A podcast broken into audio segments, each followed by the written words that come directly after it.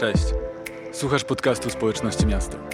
Wierzymy, że to słowo zainspiruje Cię i poprowadzi do zwycięstw w Twoim życiu. Jeśli chcesz dowiedzieć się więcej, przyjdź na nasze coniedzielne spotkania albo sprawdź nasze media społecznościowe. Widzimy się na mieście.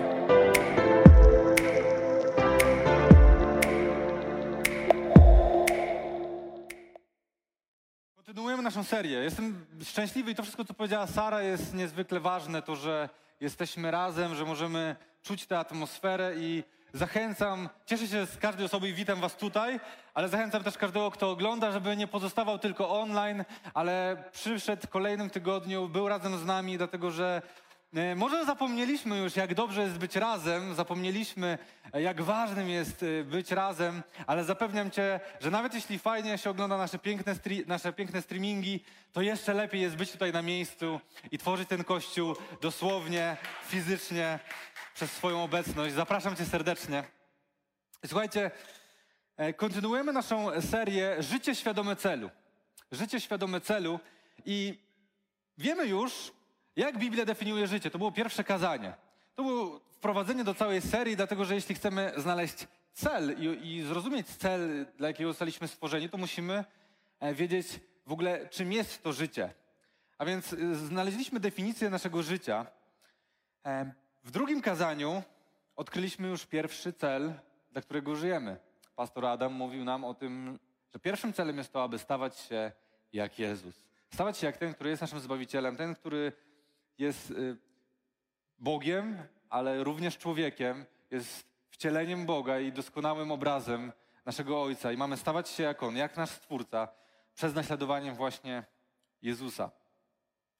Drugim celem, dla którego żyjemy, jest sprawiać Bogu radość. I Biblia definiuje to na przykład w liście do Efezjan w taki sposób, piąty rozdział, dziesiąty werset. Jako tacy skupiajcie się na tym, co jest miłe Panu. Jako tacy skupiajcie się na tym, co jest miłe Panu. Skupiajcie się na tym, co sprawia Mu radość, co sprawia, co cieszy Go. I celem naszego życia jest oddawanie chwały Bogu. E, I to oddawanie chwały już kiedyś omawialiśmy na naszych kazaniach. To znaczy żyć zgodnie z tym oryginalnym zamysłem. To znaczy, że całe nasze życie odpowiada temu oryginalnemu zamysłowi dla którego zostaliśmy stworzeni przez naszego Stwórcę. I wiecie, zrozumienie tego, że jesteśmy powołani do tego, że jesteśmy stworzeni przez naszego Stworzyciela i powołani do tego, żeby sprawiać Mu radość, a więc aby być w relacji, która daje Mu radość, to zrozumienie tego sprawia, że kończą się Twoje problemy z tożsamością i z poczuciem wartości. Wiecie, wielu chrześcijan nawraca się, ale niewystarczające jest dla nich to, że zostali stworzeni przez Boga i że On chciał ich stworzyć dla swojej radości, dlatego poszukują swojego poczucia wartości w wielu różnych rze- rzeczach, w wielu różnych miejscach, w wielu różnych e, sytuacjach, opiniach, słowach, które usłyszą. Natomiast zobaczcie, wystarczy to, że przyjmiesz, że Bóg Ciebie stworzył po to, żebyś dawał Mu radość. To znaczy, On tchnął w Ciebie życie. On dał Tobie to życie, dlatego że tak bardzo pragnął, żebyś istniał i żebyś był razem z Nim. Wiecie, On chciał spędzić z Tobą całą wieczność. Będziemy mówili o tym na kolejnym, kazaniu, że naszym celem jest wieczność, że jednym z naszych życiowych celów jest wieczność. On stworzył Ciebie, żeby spędzić z Tobą całą wieczność. A więc Stwórca tak bardzo potrzebował Ciebie i pragnął Ciebie, że dał Tobie życie. I wiecie, samo to już powinno być wystarczające, abyśmy nie mieli już problemu z poczuciem własnej wartości. Bo nasz Stwórca tak bardzo nas pragnie, że dał nam życie, że nas stworzył. Tak bardzo cieszy się relacją z nami i chce się cieszyć relacją z nami, że dał nam życie. Wiecie, możesz powiedzieć, ale właściwie czemu ja mam sprawiać radość Bogu? Dlatego, że jest właśnie Twoim stworzycielem i dlatego, że On zna cel i zamiar Twojego życia i kierunek Twojego życia. I oczywiście możesz powiedzieć, ale ja w to nie wierzę. Jasne, masz prawo tak powiedzieć. I wracamy tutaj do pierwszego kazania, gdzie mówię, możesz spekulować i szukać różnych teorii, dlaczego powstałeś, jak powstałeś jako człowiek, skąd się wzięliśmy, dokąd zmierzamy, albo możesz przyjąć objawienie. Możesz przyjąć objawienie. To nie chodzi o to, że gdzieś jest, są jakieś fakty, jest jakaś historyczna prawda, a gdzieś nie ma, tylko są spekulacje, wiele różnych teorii, albo jest objawienie. Tu jest objawienie i przyjmujemy to objawienie i ono daje nam spójny światopogląd, spójną całą e, teorię tego, dlaczego istniejemy i po co istniejemy. I jeden z tych celów jest sprawianie Bogu radości. Jeśli nie przyjmujesz tego, masz prawo. Ale zachęcam cię, żebyś w takim razie stworzył jakikolwiek spójny światopogląd dla swojego życia. Chyba, że wystarczy ci bezcelowość twojego życia. Wiecie, bardzo często alternatywą dzisiaj niewierzących dla wierzących jest to, że po prostu nie odczuwają tego, co wierzący. Ale to nie jest żadna alternatywa, to nie jest inny światopogląd. To jest tylko stwierdzenie, że nie podoba ci się światopogląd chrześcijański, że nie podoba ci się światopogląd kogoś wierzącego. I fatalną sytuacją dzisiejszego społeczeństwa i dzisiejszej kultury jest to, że większość ludzi, którzy nie przyjmują chrześcijańskiego światopoglądu, stwierdza, że nie potrzebuje żadnego światopoglądu. Ale to jest rozwiązanie proste, to jest rozwiązanie, które nie daje żadnych odpowiedzi, to jest odpo- rozwiązanie, które nie określa żadnego celu dla Twojego życia.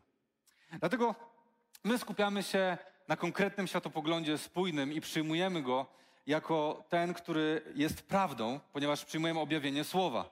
I teraz w tym słowie jest napisane, że jednym z celów jest, jednym z naszych celów życiowych jest to, aby sprawiać Bogu radość jako naszemu Stwórcy. I skoro wiemy, że taki jest nasz cel, to naszym głównym zadaniem jest dowiadywać się, jak to robić. I o tym właśnie dzisiaj będziemy mówili. I sprowadzę to, to do pięciu punktów. To będzie bardzo proste kazanie w swojej konstrukcji. Pięć punktów, e, które odpowiadają na pytanie, co sprawia radość Bogu. Pięć prostych punktów. Po pierwsze, Bogu radość sprawia, kiedy kochamy Go ponad wszystko. Kiedy kochamy Go ponad wszystko. I tak jak już mówiłem na wstępie, Bóg najbardziej, najbardziej chce, abyśmy byli z Nim w relacji, abyśmy mieli z Nim więź. Zobaczcie, On tworzy Adama i Ewę, czytamy o tym w Księdze Rodzaju, na samym początku. Jeśli jeszcze nie czytałeś Biblii, otworzysz i na pierwszych stronach przeczytasz właśnie o tym, o stworzeniu Adama i Ewy. I Bóg tworzy Adama i Ewę, ponieważ chce mieć z nimi relację. I czytamy, że On przechadza się po ogrodzie, a więc po ich miejscu, w którym ich umiejscowił, w, których w którym ich stworzył. I On ma z nimi więź i ma z nimi relację. Największym zranieniem dla Boga jest co? Jest grzech, czyli to, kiedy Adam i Ewa zrywają co? Więź z Nim, relacje z Nim zrywają. Wypowiadają te relacje miłości, dlatego że są okłamani przez diabła. To jest największe zranienie, które ma swoje konsekwencje i ciągnie się coraz dalej i dalej, aż do miejsca, gdzie czytamy o tym, że jest Noe i Noe jest jedyną osobą, która ma relację z Bogiem, więź z Bogiem na całym świecie. Bogu najbardziej zależy na tym, aby mieć z Tobą więź. I uczenie się, jak kochać Boga i jak być kochanym przez Boga. To znaczy, jak doświadczać tej dwustronnej relacji, tej obecności Boga w Twoim życiu. Nie pobożności, ale obecności Boga w Twoim życiu. To właśnie jest główny, powinien być jednym z głównych naszych celów. Życiowych celów. Jak kochać Boga i jak być przez Niego kochanym, to znaczy, jak mieć tę dwustronną relację. I zobaczcie, Jezus, a więc Bóg wcielony, mówi nam dokładnie to samo. To nie jest tylko kwestia wyciągnięcia wniosków z Księgi Rodzaju, ale to jest to, co powiedział nam Jezus. Postać historyczna, jeśli ktoś miał wątpliwości. Jezus powiedział nam, mm, i czytamy o tym w Ewangelii Mateusza 22, 37, 38, takie słowa. A on, Jezus, odpowiedział: Masz kochać Pana, swojego Boga, całym swoim sercem, z całej swojej duszy i każdą swoją myślą. To jest najważniejsze i pierwsze przykazanie. Kochać Boga całym sercem, z całej swojej duszy i każdą swoją myślą. Jezus daje nam bardzo prostą, e, bardzo prostą kierunek i naszego życia i cel naszego życia, aby kochać Boga z całego swojego serca. A więc pierwsza rzecz, która sprawia Bogu radość, to to, gdy kochamy Go ponad wszystko. Druga rzecz, która sprawia Bogu radość, to to, gdy całkowicie Mu ufamy. I mówiłem już no, o Noem, e, że Noe był w pewnym momencie jedyną osobą, która miała na świecie relację z Bogiem, więź z Bogiem, która go kochała. I w liście do Hebrajczyków dalej czytamy o Noem ważne słowa, 11:7. Czytamy, przez wiarę Noe ostrzeżony przez Boga o tym, czego jeszcze nie widziano, mowa tu jest o deszczu, kierowany bojaźnią zbudował arkę, aby ocalić swój dom. Przez nią też potępił świat i stał się dziedzicem sprawiedliwości, która jest z wiary, która jest z wiary, z całkowitego zaufania Bogu. I możemy sobie myśleć o tym, że no rzeczywiście Noe zaufał Bogu, ale jak tutaj nie ufać Bogu, skoro dostał bezpośrednie zaproszenie od Boga? Bóg przyszedł do Noego i powiedział, chłopie, jedyny masz łaskę w moich oczach, jedyny masz ze mną jakąkolwiek więź na świecie, muszę zrobić jakiś porządek z tym światem, musimy zacząć jeszcze raz na nowo, więc zbuduj arkę, ocalimy zwierzęta, bo zwierzęta są dobre, e, ty jesteś dobry, ale na całym świecie są ludzie po prostu, którzy nienawidzą mnie, którzy mnie nie kochają, więc zaczynamy od nowa. I możesz pomyśleć sobie, no tak, ponadnaturalne zaproszenie. Gdyby Bóg przychodził do mnie i dawał mi takie polecenia, po prostu zwracałby się do mnie y, personalnie, wtedy też bym wykonywał wszystko, co mi poleci i był całkowicie mu posłuszny. Jednak są pewne ale. Przynajmniej trzy ale, które sprawiają, że to nie jest takie proste, że Bóg przyszedł do Noego i Noe mu zaufał. No okej, okay, wszystko już wiem. Jakie są te ale? Po pierwsze, przed chwilą to czyta, czytaliśmy w liście do Hebrajczyków, Noe nigdy nie widział deszczu. Wiecie, do, do tego momentu czytamy o tym, że jeszcze nie było deszczu na świecie, że jeszcze ludzie nie widzieli deszczu. Tak naprawdę ziemia była nasycana z tych wewnętrznych źródeł i deszcz nie spadał. Więc Bóg mu powiedział, że ześle potop, że ześle deszcz, który zaleje całą ziemię, ale Noe nie miał pojęcia, czym jest deszcz. To tak jakby Bóg przyszedł do ciebie i powiedział, zrób coś, ale teraz powstanie jakieś zupełnie nowe zjawisko meteorologiczne, którego nigdy nie wiedziałeś, ale zaufaj mi, że po prostu to będzie i ty przygotowuj się na to zjawisko. I stwórz coś wielkiego w związku z tym. To był konkretny powód, dla których Noe mógł mieć wątpliwości, o co w ogóle chodzi, czym jest ten deszcz. Po drugie, kiedy poczytamy sobie komentarze i, i, i różne jakieś książki, które po prostu dają nam szerszy kontekst biblijny, to zobaczymy, że Noe żył bardzo daleko od oceanu.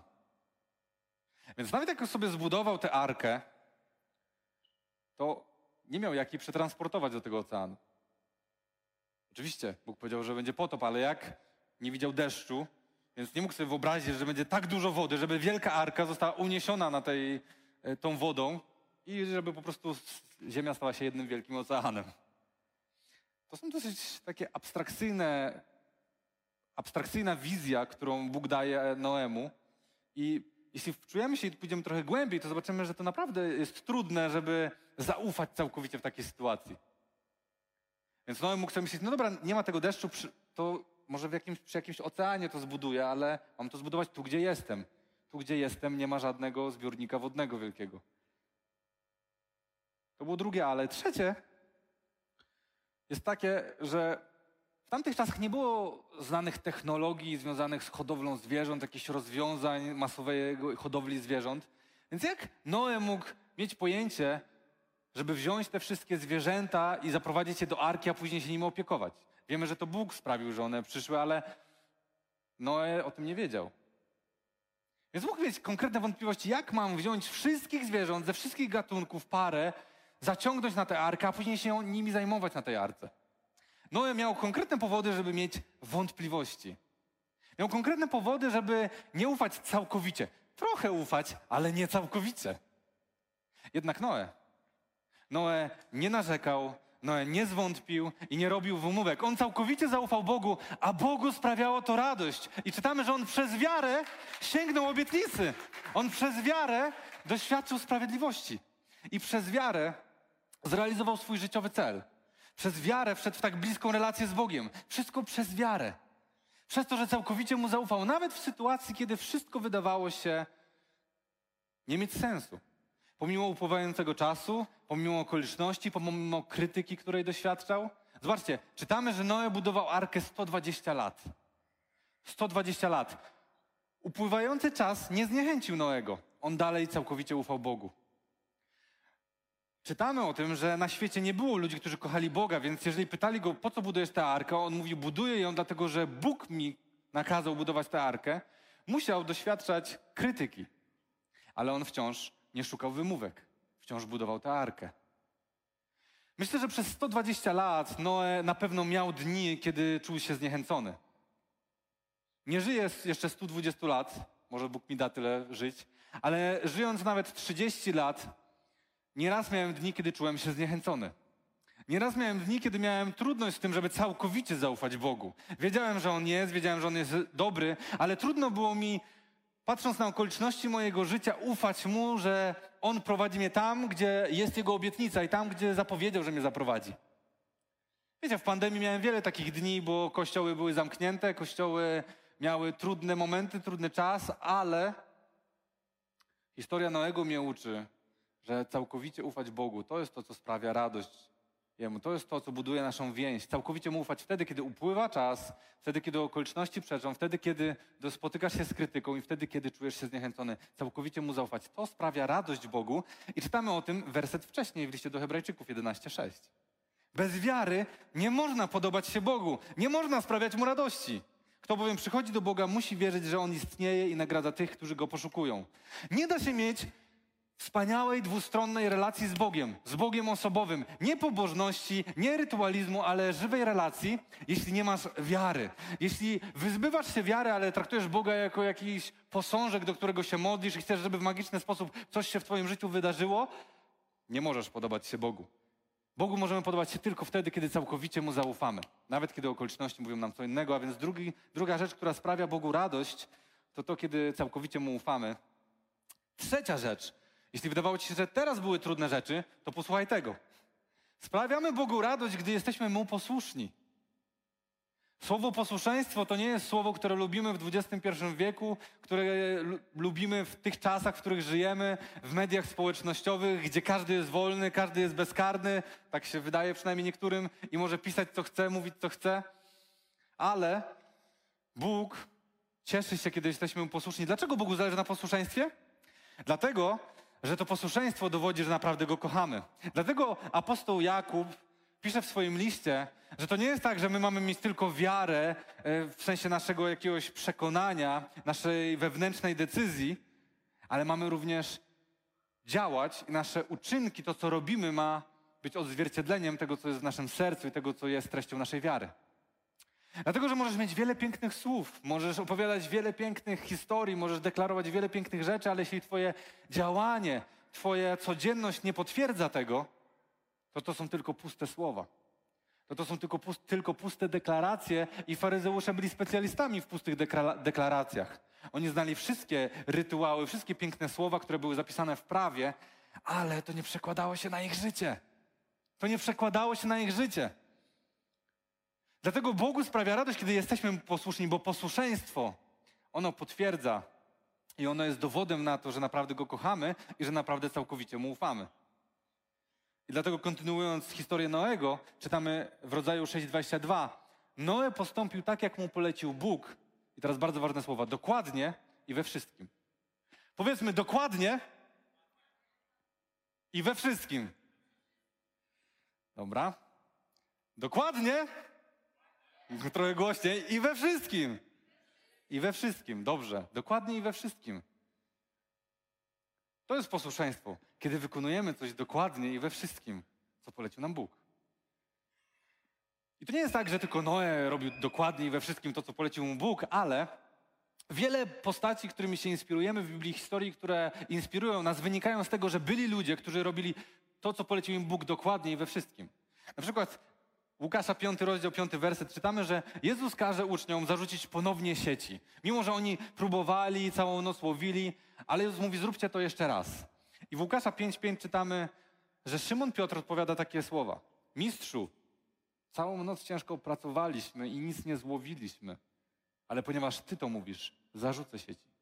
Ponieważ Ty, Boże, dajesz mi polecenie, ponieważ Ty, Boże, określasz pewne standardy, którymi chcesz, abym żył, nawet jeśli ich nie rozumiem, to będę według nich żył. Dlatego, że chcę być Tobie posłuszny, bo wiem, że posłuszeństwo sprawia Tobie radość, ale nie tylko. Posłuszeństwo sprowadza błogosławieństwo na moje życie. Dokładnie i we wszystkim. Poddani Bogu ludzie słuchają Go nawet wtedy, kiedy wydaje się to nie mieć sensu. Zaufanie wyraża się w posłuszeństwie i chcę powiedzieć Ci bardzo ważną rzecz, może trudną. Jeśli nie ulegniesz Bogu, ulegniesz opiniom i oczekiwaniom innych, ulegniesz czemuś innemu. Bo cały czas doświadczamy jakiegoś wpływu na nasze życie. Całe nasze życie, każdego dnia jesteśmy w jakichś okolicznościach, wśród jakichś ludzi, wśród jakichś inspiracji, w jakichś słów, jakich, jakichś wiadomości. Jeśli nie ulegniesz Bogu, to ulegniesz czemuś innemu. Naprawdę nie spotkałem jeszcze osoby, która by odeszła do Boga i pozostała taką neutralną osobą. Właściwie nie wiem, co to znaczy być neutralnym. Nie wiem, czy w ogóle się da być neutralnym człowiekiem, istotą. Zawsze jesteśmy pod jakimś wpływem. I chyba za, za, rzadko jesteśmy świadomi tego, że jeśli nie ulegamy Bogu, to ulegamy czemuś innemu. Dlatego Bóg chce, żebyśmy byli posłuszni, ulegli Mu, bo On wie, co jest dla nas najlepsze. I zobaczcie, Jezus. Jezus jest doskonałym przykładem. Wiemy z poprzedniego kazania, że mamy go naśladować, że on jest doskonałym wzorem. I co Jezus robi, kiedy on się zmaga, kiedy on doświadcza lęku, obawy i chęci po prostu zmiany swojej drogi? W ogrodzie Getsemane czytam o tym, że on po prostu spływa po nim krwawy pot, że on jako człowiek się zmaga i mówi: Ojcze, Ojcze, jeśli to możliwe, odsuń ode mnie ten kielich. Ale później dodaje: Lecz nie moja wola, ale Twoja niech się stanie. Jezus wiedział, że jeśli teraz pójdzie inną drogą niż tą, z którą polecił mu ojciec, nie wypełni życiowej misji, nie wypełni tego, dlaczego został posłany, mimo że się zmaga, mimo że to jest dla niego trudne. On jest uległy ojcu, on jest uległy swojemu Bogu Ojcu. A więc jeśli nie ulegniemy Bogu, ulegniemy czemuś innemu, i teraz kolejna trudna rzecz, to jest bardzo trudny podpunkt. Bóg nie jest winny ci żadnych wyjaśnień. On nie musi ci uzasadniać swoje, tego, o co cię prosi. On nie jest ci winny wyjaśniania tych rzeczy i wiesz, ze zrozumieniem możesz poczekać czasem w swoim życiu, ale nigdy z posłuszeństwem. I chcę ci powiedzieć, poddanie się Bożej woli da ci dużo więcej niż studiowanie przez cały rok wersetów biblijnych. Wiele rzeczy zrozumiesz dopiero wtedy, jeśli najpierw się do nich zastosujesz. Dlaczego? Bo posłuszeństwo jest kluczem do zrozumienia. Posłuszeństwo jest kluczem do zrozumienia. Ze zrozumieniem możesz poczekać w swoim życiu, ale nie z posłuszeństwem. I zbyt wielu ludzi odwraca tę kolejność. Oni najpierw chcą rozumieć, a potem ewentualnie będą posłuszni czemuś. I wiecie, to nie chodzi o to, że chcemy mieć jakąś taką średniowieczną wiarę na zasadzie boję się Boga, więc lepiej będę posłuszny. Naprawdę nie o to chodzi i myślę, że poświęcamy mnóstwo czasu, żeby przez nas, przez kazania, przez grupy domowe tłumaczyć sobie e, i zrozumieć istotę tego słowa. Ale wciąż, mimo że będziemy sobie tłumaczyć, będziesz studiował to słowo, to będą rzeczy, których nie będziesz potrafił zrozumieć. Dlaczego? Bo spotykając się z Bogiem, spotykasz się z czymś, co jest transcendentne. Wiecie, my często mówimy, e, Bóg się zagniewał, Bóg się ucieszył, Bóg się zezłościł, ale to my nadajemy mu ludzkie cechy. To my próbujemy określić go swoimi pojęciami. I to jest dobre, bo gdybyśmy nie określali go swoimi pojęciami i takimi słowami, które my rozumiemy, no to nie moglibyśmy w ogóle z nim stworzyć jakiejś relacji. Ale chcę Ci powiedzieć, że pomimo tego, że my określamy go słowami, które zamykają nasze rozumienie i jakby określają to, co my jesteśmy w stanie nazwać, Bóg jest znacznie większy od tego. On jest najdoskonalszą istotą, najdoskonalszym bytem i zawsze, kiedy spotykasz się z Nim, spotkasz się z miejscem, którego nie jesteś w stanie pojąć. Posłuszeństwo jest kluczem do zrozumienia. I niestety właśnie przez to, że my dzisiaj chcielibyśmy mieć argumenty na wszystko, chcielibyśmy wszystko rozumieć i wtedy podejmować jakieś racjonalne decyzje, jakby wszyscy ludzie na świecie podejmowali racjonalne decyzje, wierzący czy niewierzący. I właśnie dlatego, że nie rozumiemy pewnych rzeczy albo są dla nas trudne, nie chcemy ich przyjąć, oferujemy Bogu częściowe posłuszeństwo. Więc wybieramy zasady, które są dla nas zrozumiałe, które wydają nam się atrakcyjne i zaczynamy się do nich stosować. Jednocześnie ignorujemy te zasady, które wydają nam się niepopularne, zbyt kosztowne, niewygodne. Zostawiamy je, nie słyszymy ich, nie zajmujemy się nimi, omijamy te wersety w Biblii, omijamy te nauczania, te kazania, zaglądamy do telefonu, kiedy ktoś mówi o tym. Po prostu zostawiamy to. I w ten sposób mamy wielu chrześcijan, którzy żyją w takim paradoksie, w, takim, w takiej sprzeczności. Mamy chrześcijan, którzy mówią tak: Będę czytał Biblię, ale nie przebaczę osobie, która, do której, która coś do mnie ma. Wow, czytasz Biblię, ale mówisz, nie przebaczę mu. Mimo, że w tej właśnie Biblii, którą czytasz, jest napisane, że musisz przebaczyć tak, jak Bóg tobie przebaczył, a jeśli nie przebaczysz, to sam nie doświadczysz przebaczenia. Ale to się dzieje cały czas. To się dzieje cały czas. Cały czas oferujemy Bogu częściowe posłuszeństwo. Będę chodził do kościoła, ale nie będę brał za niego finansowej odpowiedzialności. Będę stawać, stawiać Boga na pierwszym miejscu, ale zwiążę się z kimś, dla kogo Bóg w ogóle nie istnieje, który by, kto będzie mnie odciągał zawsze w moim światopoglądzie w drugą stronę. Będę nazywał siebie chrześcijaninem, chrześcijanką, ale z drugiej strony będę chować urazę do innych osób albo będę plotkować. To jest częściowe posłuszeństwo. I teraz Kolejna bardzo trudna rzecz. Odkrywcza może dla niektórych. Częściowe posłuszeństwo jest nieposłuszeństwem. Nie wiem, czy o tym wiedziałeś, ale tak właśnie jest. To dokładnie tak, jakby mąż powiedział do swojej żony: Kochanie, jestem ci wierny prawie w stu procentach. Wow! Taka żona musiałaby na pewno stwierdzić: Wiesz co? Nie jesteś mi w ogóle w wierny w takim razie. Wierność w 99% jest niewiernością. I dokładnie tak samo z posłuszeństwem. Częściowe posłuszeństwo jest nieposłuszeństwem. Więc jeśli wybierasz tylko niektóre zasady, to nie jesteś posłuszny Bogu. Kiedy nie jesteś posłuszny Bogu, nie ma radości w waszej relacji. Bóg się nie cieszy tym. Ta relacja nie jest dwustronna. I bardzo często jest tak, że nie przyjmujemy pewnych zasad, nie przyjmujemy pewnych standardów z bardzo prostego powodu. Dlatego, że utożsamiamy te zasady z osobami, które mówią nam o tych zasadach. Jeśli twoja koleżanka, twój wierzący kolega mówi ci o jakiejś zasadzie, mówi, wiesz co, stary, chyba robisz coś, co nie jest zgodne ze słowem, my mówimy, stwierdzamy, że możemy się do tego nie stosować, bo to powiedział nam jakiś kolega, koleżanka, a on przecież nie ma prawa mówić mi, jak mam żyć. Kim on jest, żeby mnie osądzać? Jakiś lider czy pastor mówi o jakichś standardach, z którymi się nie zgadzamy i wystarczy, że się nie zgadzamy, utożsamiamy jakąś zasadę, z którą się nie zgadzamy z tą osobą, i uważamy, że to uprawnia nas do tego, żeby nie stosować tej zasady. Tylko, że to jest ucieczka. To jest rozwiązanie, które właśnie wybiera każdy, kto mówi nie wierzę, ale nie wybiera do tego zamiast tego jakiegoś innego światopoglądu spójnego, jakiegokolwiek, jakiegoś nihilizmu, no czegokolwiek, no po prostu. Dzisiaj pozwalamy sobie na to, żeby nie wybierać nic, po prostu nic, bo nikt nie ma prawa osądzać mnie, nikt nie ma prawa mówić mi, jak mam żyć. Ale chciałbym Ci powiedzieć, jaki jest naprawdę niezawodny sposób, żeby Twój światopogląd był spójny i żebyś był posłuszny Bogu zawsze. Kiedy ktoś mówi Ci o zasadzie, która Ci się nie podoba, jakaś inna wierząca osoba, to zamiast utożsamiać swoje negatywne emocje z tą osobą, weź tę zasadę i skonfrontuj ze słowem, które jest naszym objawieniem które jest podstawą całego światopoglądu, według którego żyjemy, nazywając siebie chrześcijanami. Weź to, co mówi ta osoba i skonfrontuj ze słowem. I teraz tak, jeśli okaże się, że w słowie jest inaczej niż ta osoba mówi, to masz prawo, pełne prawo powiedzieć, nie będę stosował się do tego, co mówisz. Biblia naucza i pokazuje nam zupełnie co innego.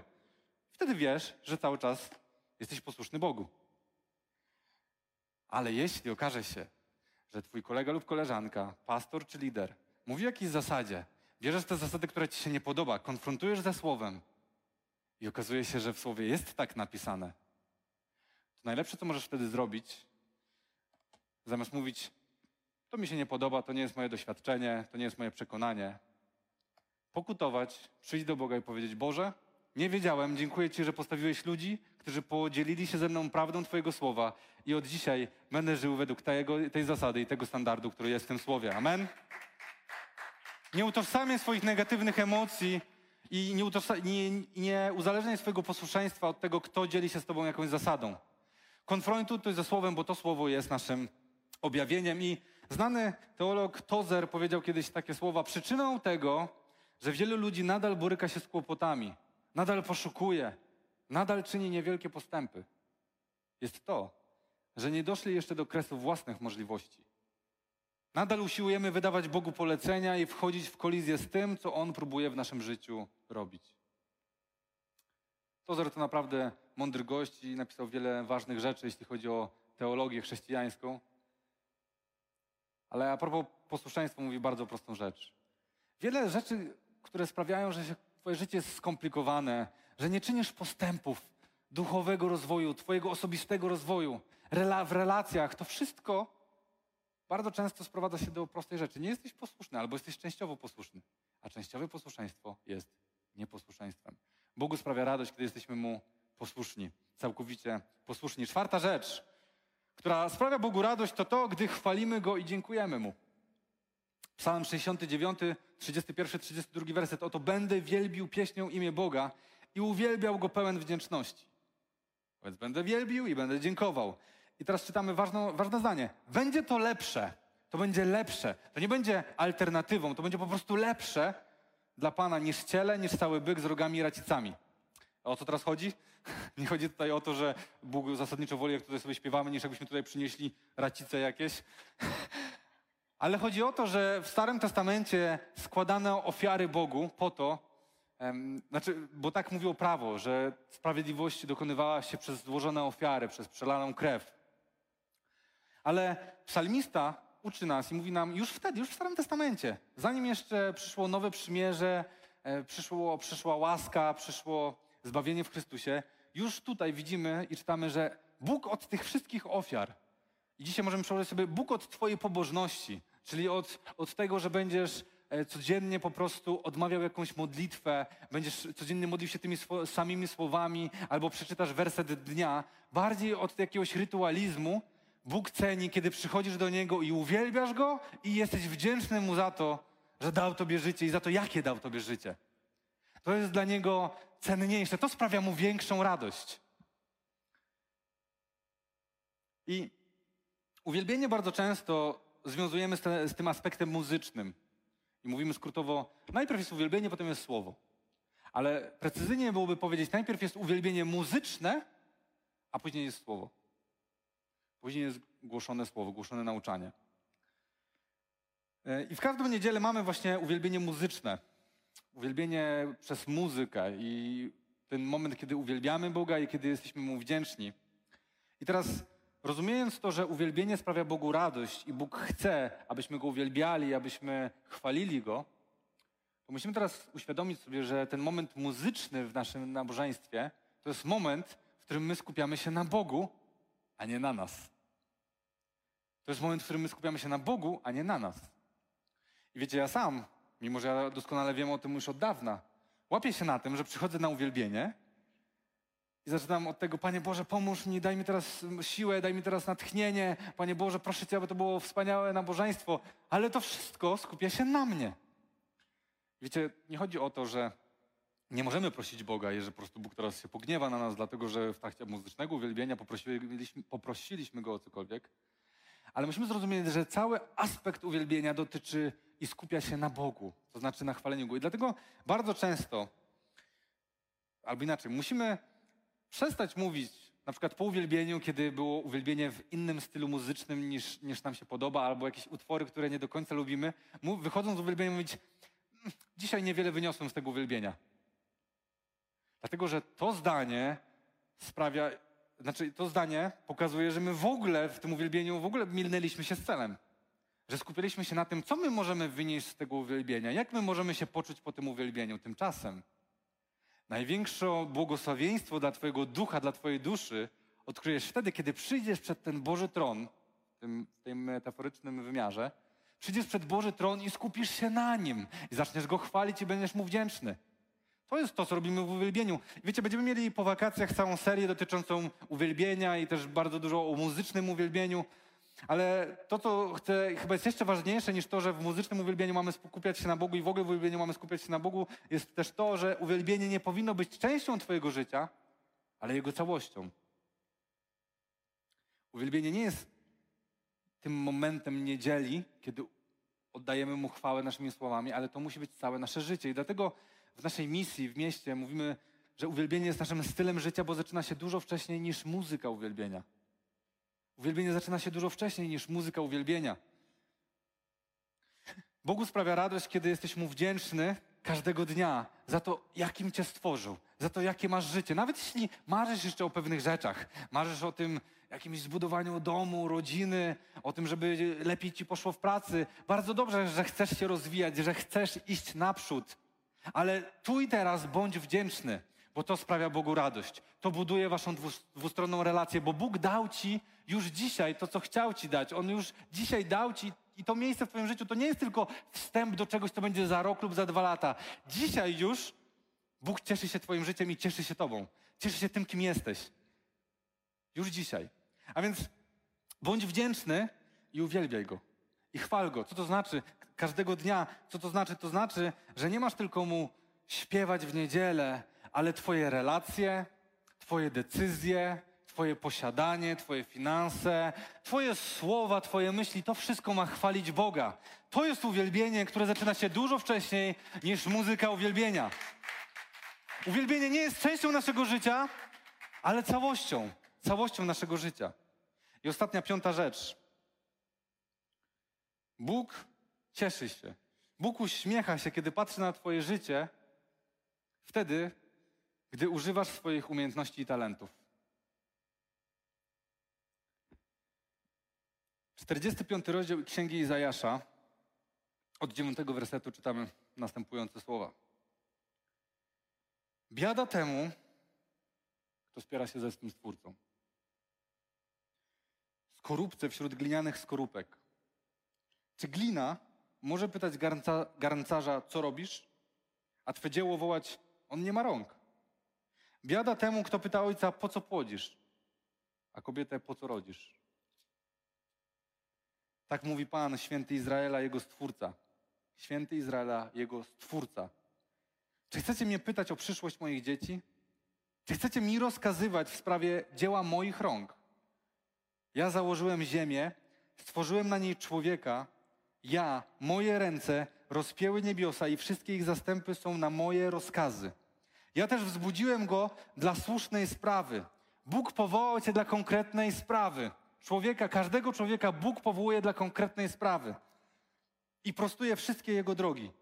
On odbuduje moje miasto i wypuści z niewoli mych pojmanych. Nie za cenę, za żadną daninę, mówi Pan zastępów. On odbuduje moje miasto i wypuści z niewoli mych pojmanych. W tym jednym zdaniu jest niezwykła, e, niezwykłe przesłanie, dlatego że jeśli byśmy spojrzeli szerzej na cały plan zbawienia, to widzimy, że wszystko zaczyna się w ogrodzie, e, w Księdze Rodzaju, a kończy się na mieście kończy się na mieście Bóg, i czytamy o odbudowaniu miasta. To jest cała zapowiedź tego właśnie, że Bóg prowadzi wszystko do miasta, że to będzie już ten lepszy porządek, ten nowy porządek, Królestwo Boże. E, a więc dlatego Bóg stwarza ludzi, ponieważ chce, aby Jego ludzie odbudowali to miasto, abyśmy wrócili do miejsca, wrócili do miejsca, do jeszcze lepszego miejsca niż zaczynaliśmy w ogrodzie. E, a co więcej, czytamy o tym, że wypuści z niewoli pojmanych, a więc wszystko, co robisz, ma służyć temu, żeby ludzie, którzy są zniewoleni dzisiaj jeszcze grzechem, mogli uwolnić się z tego i żyć w wolności w relacji z Chrystusem. Bóg cieszy się, kiedy używasz swoich talentów i darów dla Jego sprawy, dla większych celów. I czytamy o tym, biada temu, kto sprzeciwia się Stwórcy. Co może powiedzieć glina do garncarza? Co może powiedzieć stworzenie do swojego Stwórcy? Mówi, ja jestem Stwórcą człowieka. Człowiek nie jest od tego, żeby kwestionować, żeby negować swoje talenty, swoje życie, ale żeby być wdzięcznym, wziąć te talenty i te umiejętności, które ty masz, twoje indywidualne i zacząć je wykorzystywać dla Bożych spraw. Nawet wtedy, kiedy nie widzisz sensu, kiedy nie widzisz rozwiązań, kiedy nie widzisz odpowiedzi. To jest bardzo ważne. Właśnie wtedy możesz kiedy masz taką postawę, że chcesz wykorzystać swoje umiejętności i talenty, że wiesz, że Bóg stworzył cię dla konkretnej sprawy, możesz każdego dnia wstać i powiedzieć: Jestem namaszczony, jestem powołany, jestem wybrany, aby zdobywać ludzi dla Boga. Każdego dnia budzę się z celem, kierunkiem i znaczeniem w moim życiu. Jestem kreatywny, innowacyjny i błogosławiony, bo Duch Święty działa we mnie. Bo Duch Święty działa we mnie. Myślę, że wiecie, musimy każdego dnia powtarzać sobie właśnie te słowa i zrozumieć to że są w tobie konkretne dary i talenty. Ale my co robimy? My porównujemy się.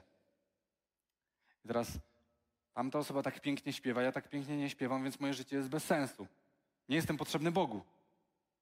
Otóż chcę ci powiedzieć, gdybyś nie był potrzebny Bogu, nie zaistniałbyś w ogóle. Nie miałbyś nawet mocy, żeby pomyśleć o tym, że nie jesteś potrzebny. Musimy pójść głębiej. Jeśli chcemy, żeby, żeby to nasz światopogląd, nasze podejście na świat było sensowne, musimy zawsze pójść głębiej. Ale chcę powiedzieć, że gdyby Stwórca nie potrzebował Ciebie i nie miałoby Twoje życie dla Niego sensu, po prostu byś nie zaistniał. Skoro tu jesteś, to znaczy, że już Ciebie potrzebował i potrzebował Twoich talentów, tego jaki jesteś. Dlatego możesz być, punkt czwarty, wdzięczny i możesz Go chwalić. Kiedy jesteś wdzięczny i Go chwalisz, macie super relacje, a kiedy macie super relacje, czujesz siłę i motywację do tego, żeby co? Żeby wykorzystywać te talenty. Żeby inni ludzie również mogli czuć tę siłę, tę motywację, mieć tę wiarę i wykorzystywać swoje talenty dla kolejnych osób. I to jest ta koncepcja. Pięć punktów. Pięć punktów. To wszystko. Tylko pięć punktów i możesz sprawiać Bogu radość. I możesz realizować jeden ze swoich życiowych celów, a więc spra sprawiać radość Twojemu Stwórcy. Podsumujmy to, co zostało dzisiaj powiedziane, bo może komuś uciekło, mogło uciec. A więc pierwsza rzecz, jesteśmy stworzeni, aby sprawiać Bogu radość, więc życiowym celem jest dowiadywać się, jak to robić. Jesteśmy stworzeni, aby sprawiać Bogu radość. Skąd to wiemy? Ze słowa, które jest naszym objawieniem. Jeśli to słowo nie jest objawieniem, znajdź wtedy jakiś inny, spójny światopogląd. Ale jeśli to słowo jest objawieniem, to jednym z Twoich życiowych celów jest to, aby sprawiać Bogu radość. I teraz pięć rzeczy, które sprawiają Bogu radość według biblijnych standardów. Po pierwsze, sprawiamy Bogu radość, gdy kochamy Go ponad wszystko, gdy mamy z Nim więź, gdy jesteśmy nim, z Nim w bliskiej relacji, nie tylko w pobożności, ale w relacji. Druga rzecz, sprawiamy Bogu radość, gdy całkowicie Mu ufamy. Bez wiary nie można podobać się Bogu. Czytamy o tym w liście do Hebrajczyków 11:6. Sprawiamy Bogu radość, gdy całkowicie Mu ufamy. Nawet pośród trudnych okoliczności, nawet przy upływającym czasie, nawet kiedy nie czujemy tego. Po trzecie, sprawiamy Bogu radość, gdy jesteśmy Mu posłuszni. Gdy jesteśmy Mu posłuszni we wszystkim i dokładnie. We wszystkim i dokładnie. Dlaczego posłuszeństwo jest ważne dla Boga? Dlatego, że ono dowodzi, że naprawdę Go kochamy i że naprawdę Mu ufamy. Że to nie są tylko puste słowa, ale to jest postawa naszego życia. To jest nasz wybór i nasza decyzja, której się trzymamy. Sprawiamy Bogu radość, gdy jesteśmy Mu posłuszni. Czwarta rzecz. Sprawiamy Bogu radość, gdy chwalimy Go i dziękujemy Mu. On nie chce Twoich powtarzanych, recytowanych modlitw, ale chce po prostu, żebyś stawał przed Nim, na przykład w niedzielę, ale też każdego dnia i po prostu chwalił Go i był wdzięczny za to, kim jesteś, za to, że masz życie, za to, że możesz w ogóle Go chwalić, za to, że możesz każdego dnia wstać, za to, że po prostu jesteś. I piąta rzecz, sprawiamy Bogu radość, gdy używamy swoich umiejętności i talentów. Dlatego, że On Ciebie ukształtował, tak jak garncarz kształtuje glinę i tworzy z niej jakieś naczynie. On stworzył Ciebie i nadał Tobie konkretny kształt. To, jak wyglądasz, Twoje rysy twarzy, to, jakie masz usposobienie, barwę głosu, e, to, jakie masz zainteresowania, to, co Ciebie ekscytuje, to wszystko jest dane przez Niego. I On chciał, żebyś taki był. On chciał, żeby, żebyś taki był i chciał, żebyś wykorzystywał to dla ważnych rzeczy, dla Jego królestwa, dla Jego chwały, żeby służyć innym osobom. Będziemy mieli całe kazanie, które będzie mówiło o tym celu życiowym, którym jest misja i służba nasza życiowa. Sprawiasz Bogu radość, gdy używasz swoich talentów i umiejętności. I chcę Ci powiedzieć, że sprawianie Bogu radości, a więc robienie tych pięciu rzeczy, to nie jest najlepszy sposób życia. To jest jedyny sposób życia. To nie jest najlepszy sposób życia, który jest jakąś alternatywą. Jeżeli przyjmujemy, że to jest objawienie, że to jest słowo, którym chcemy żyć, to nie możemy naprawdę traktować tego, są pewne rzeczy, które są warte zastosowania, a inne mogą poczekać. Jeśli Bóg jest Twoim stwórcą, to nie ma innej opcji, jak tylko sprawiać Mu radość i żyć tak, aby On cieszył się, aby On uśmiechał się, kiedy patrzy na Ciebie. I wiecie, w Księdze Liczb jest bardzo znane błogosławieństwo, błogosławieństwo kapłańskie. I nie wiem, czy zwracałeś na to uwagę, jeśli kiedyś miałeś styczność z tym błogosławieństwem, że to błogosławieństwo jest właśnie o cieszeniu się Boga. O tym, że Bóg ma się uśmiechnąć, kiedy patrzy na Twoje życie. Bóg chce Ciebie błogosławić i masz mieć błogosławione życie, które, kiedy Bóg na nie patrzy, sprawia, że On się uśmiecha. I oczywiście znowu nadajemy Bogu ludzkie cechy, ale potrzebujemy tego, bo jesteśmy ludźmi. Chciałbym, żebyśmy razem pomodlili się tą modlitwą, e, tym błogosławieństwem kapłańskim. Dlatego, że ono właśnie o tym jest, o sprawianiu Bogu radości. Dlatego możemy powstać. I o to, o co chciałbym Cię poprosić, to to, żebyś żebyś otworzył swoje serce na działanie Ducha Świętego, na, na to, żeby Duch Święty utwierdzał w Tobie właśnie to przekonanie, że to nie jest kwestia jakichś alternatyw, jakichś wielu wyborów, ale to jest jedyna, jedyna słuszna opcja, jeśli chcemy żyć z Bogiem, jeśli chcemy żyć jako ludzie wiary. W Księdze Liczb w szóstym rozdziale 24-26 czytamy Niech Ci błogosławi Pan i niechaj Cię strzeże. Niech Pan rozjaśni nad Tobą swoją twarz, a więc co? Niech się uśmiechnie. Niech się uśmiechnie patrząc na Twoje życie. Niech się cieszy patrząc na Twoje życie. Niech przychylny Ci będzie. Niech ku Tobie skieruje Pan swój wzrok niech zawsze darzy Cię pokojem. Boże, wierzę, że kiedy będziemy mieli tę świadomość, że naszym życiowym celem jest sprawiać Tobie radość, wtedy doświadczymy tego, czym jest pokój. Wtedy doświadczymy Twojej ochrony, wtedy zobaczymy, czym jest błogosławione życie. Modlę się o to, abyś Ty, Duchu Święty, inspirował nas do życia, które sprawia radość naszemu Stwórcy. Abyśmy kochali naszego Boga ponad wszystko, abyśmy całkowicie Mu ufali, abyśmy byli Mu bezwzględnie posłuszni, abyśmy byli tymi, którzy Go uwielbiają i chwalą całym swoim życiem i abyśmy wykorzystywali talenty i umiejętności, które otrzymaliśmy od Niego. Duchu Święty, proszę Cię, zainspiruj nas, poprowadź nas, przekonaj nas. Nakieruj nas też na miejsce pokuty, jeśli tego potrzebujemy. Duchu Święty, wierzę, że to błogosławieństwo będzie stawało się udziałem naszego życia i to ogłaszam nad każdą osobą tutaj w Kościele i która nas ogląda w imieniu Jezusa Chrystusa. Amen.